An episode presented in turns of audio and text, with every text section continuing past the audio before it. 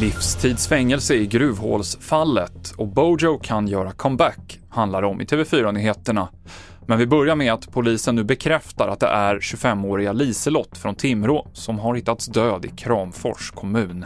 En man i 45-årsåldern är sedan i tisdags häktad misstänkt för människorov och mord och det var också i tisdags som polisen hittade en kropp i sökandet efter Liselott. Ja, identiteten är fastställd och vi kan bekräfta att det är Liselott som anträffades under veckan. Och identifieringen skedde i samband med en obduktion som var planerad att genomföras idag. Mm. Eh, och vad, eh, hur påverkar det här då själva utredningen nu? Den påverkar ju så tillvida, den är ju fortgående men nu är identiteten en väsentlig del i pågående brottsutredning. Så att nu finns det en häktad person, vi har offret identifierat och nu pågår ju den pågående utredningen som är inne i ett intensivt skede full fart framåt.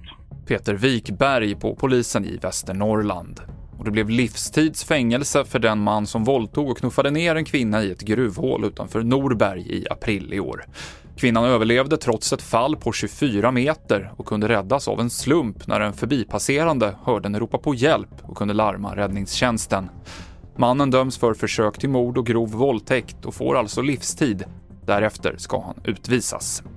Och efter bara 45 dagar som premiärminister så slängde Liz Truss igår in handduken i Storbritannien.